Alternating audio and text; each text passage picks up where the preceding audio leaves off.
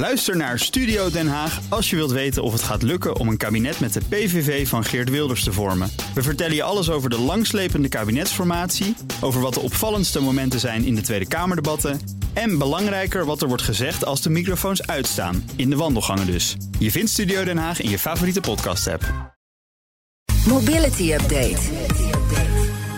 Dat brengt ons bij Nout Broekhoff van BNR's Mobility. Hoi. Goedemorgen. Hi. Ja, ik heb het vanmorgen al even over gehad. Meneer Fatih Birol van de IEA, het Internationaal Energieagentschap... die zegt, nou jongens, het gaat exploderen. Ja. De wereldwijde verkoop van elektrische auto's.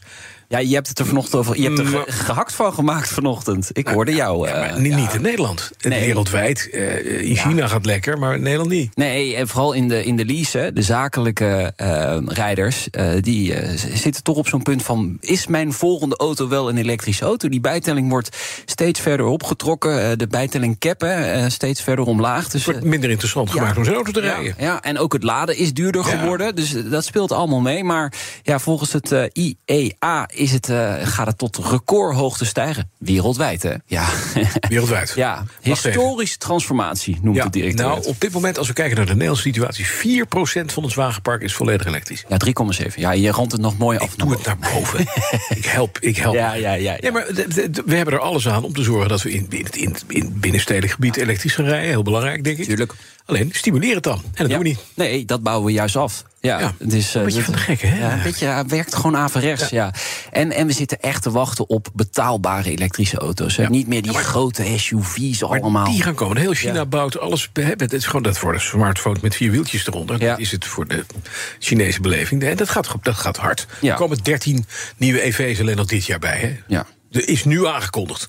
Zullen er nog veel meer worden? Ja, ja het, het vraag me toch af of mensen in een Chinese auto willen Oké, rijden. maar jij, hebt, jij gaat een nieuwe auto kopen. Wordt het een elektrische auto? Ja, weet ik niet. Nee, en de- ertussenin, plug-in. Dat is, eh, weet je, toch nog even eh ja, een verbrandingsmotor ja. erbij. En dan kun je toch nog tanken. En dan af en toe laden. Af en toe. Fijn, dan blijven we ook vrienden. De komst van de. nee, zonder gekheid. Nee, kom op. nee, Hey, De, komst van de Neder-Saxenlijn is een stap dichterbij gekomen. Wat is dat ook weer, die Neder-Saxen? Ja, dat is eh, die spoorlijn die moet tussen Groningen en Enschede komen te liggen. En dan via Emmen gaan lopen. Dat moet een beetje ja, de economische structuur in het noordoosten van Nederland een, een boost gaan geven. Mhm. Eh, kost zo'n eh, eh, 500 tot een miljard euro. 500, eh, Miljoen, een- ja, precies. 500 miljoen en een miljard euro. En het Rijk maakt nu ja, 85 miljoen euro vrij voor de, de eerste aanleg van een deel van de treinverbinding. En dat zal dan zijn tussen Veendam en eh, Stadskanaal. Dat, daar wordt de treinverbinding doorgetrokken. En eh, dat moet dan in 2026 klaar zijn. Dus de, de hele Neder-Saxe lijn ligt er dan dus nog niet. Die, ja, dat heeft nog even tijd nodig tot 2030, misschien iets daarna. Maar ja, er is wel een belangrijke stap nu eh, genomen om in ieder geval ervoor te zorgen dat die lijn er in de toekomst eh, wel gaat een komen. klein stapje. Zullen we dat zeggen? 85 miljoen is natuurlijk niet een Ja, enorme. 85. Ja, nee, het, het is niet echt een hele grote stap. Maar het komt uit, trouwens, dat geld komt uit die compensatiegelden eh, voor Oh, de aardgaswinning. Dus eh, da- daarmee eh, wordt dit eh, bekostigd. Nee, er is dus nog eh, ja, 500 miljoen tot een miljard nodig om die hele lijn aan te leggen. Ja, precies. En ze, ze eh, hebben het ook nog eh, over die andere lijn, hè, die Lely-lijn tussen de Randstad en Groningen. En die kost eh, veel en veel meer. Daar, daar moet eh, 7 tot en met 10 miljard voor vrijgemaakt worden. En daar hebben ze nu 3 miljard voor eh, in, eh, in de pijplijn. Dus eh, daar moeten ze ook nog geld vinden. Dus eh, ja, dat zijn infrastructurele projecten die gewoon hartstikke duur zijn. Nou zeg, Ja. duur grap. Ja. We gaan eventjes naar DAF, de vrachtwagenbouwer. Want in Amerikaanse handen tegenwoordig. Ja, Packard. ja.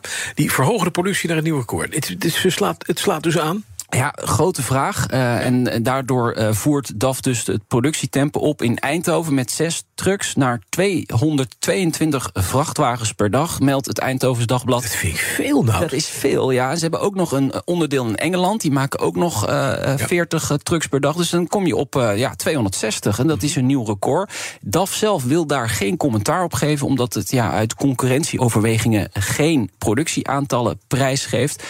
Maar het Eindhovens Dagblad heeft wel mensen intern gesproken. Dus het zal wel kloppen. En DAF profiteert gewoon van een ja, veel grotere vraag van Europese transporteurs. Ook blijkt de nieuwe generatie vrachtwagens, die ook een stuk zuiniger zijn, in de smaak te vallen. DAF opende begin deze week ook een speciale productiehal. waar volledig elektrische trucks van de band gaan rollen. Mhm. Maar dat nieuws, ja, dat werd een beetje overschaduwd door die afwikkeling van die kartelzaak. Waarschijnlijk, waarschijnlijk hebben jullie het daar in de ochtendspits ook kort over gehad. Uh, daar gaan ze uh, hoogstwaarschijnlijk uh, voor een paar honderd miljoen schikken. En ja, daar, dat, ja, dat overstemde een beetje ja, het nieuws van die nieuwe productie al. Maar toch even genoemd hier. Okay. Dan is de provincie Utrecht gestart met een campagne tegen fietsen onder invloed. Ja, wat een timing, hè? Zo vlak voor Koningsdag. Ja, dat je inderdaad nog eventjes... Ja, ja ja, rijden onder invloed. Je, je kunt het natuurlijk onderverdelen in alcohol. In dit geval gaat het echt uh, om alcohol. Maar je hebt natuurlijk ook uh, drugs. Je hebt uh, lachgas tegenwoordig. Ook idioot dat je met lach zo'n ballonnetje in de auto gaat zitten. maar um, ja, er is een slogan ook door de provincie. Ik moet ineens denken. Ik laatst bij een stoplicht. Stopt er naast mij een klein polootje met twee... En dit is om kwart over vier s morgens als ik ja. kom. Met twee breedlachende mannetjes erin, die allebei een ballon. Dat was een soort kinderfeestje. Die zaten van die hele ballonnetjes leeg te puffen. Ik heb, ik heb de snelweg gehad. Iemand met zo'n ballon in zijn... je weet niet wat je ziet de eerste nee. keer. Ja, we lachen erom. Maar het levensgevaarlijk. Dus jij begon met een raam naar beneden. Lang nou ja, zal die leven. Moet ik nu 112 gaan bellen of zo? Maar ja, ja, je gaat, ja. wat moet je doen? Ja, oké. Wat moet je doen, Dit gaat dus om... Uh, nou, sorry. Ja. Ja, we gaan naar de provincie Utrecht. Alcohol. Uh, de campagne tegen fietsen ja. ja, er is een slogan. Um, uh, trap er niet in. Trap er niet in. Ja, trap er niet gevonden, ja. Die kan je ook weer gebruiken. Toen, aan, toen aan Kuzu, die zei dat toch, trap er niet in? Ja, dat is gewoon gejat dan. Hm. Ja. ja. Maar laten we wel even kijken. Het moet jongeren dus bewust maken van de risico's. En die zijn er echt wel hoor. Eh, cijfers 2021. 4400 fietsers onder invloed van uh, alcohol op de spoedeisende hulp. Uh, vier op de tien liepen hersenletsel op. Dat komt neer op 40 slachtoffers per week. De kans op hersenletsel is bijna vier keer zo groot als je met alcohol op de fiets stapt. Dus doe het gewoon niet. Rij niet onder invloed op de fiets. Het is wel een serieus probleem aan het worden. Hè? Die alcohol en alles wat, uh, wat in het verkeer een rol speelt het aantal mensen dat gepakt wordt stijgt ook gigantisch.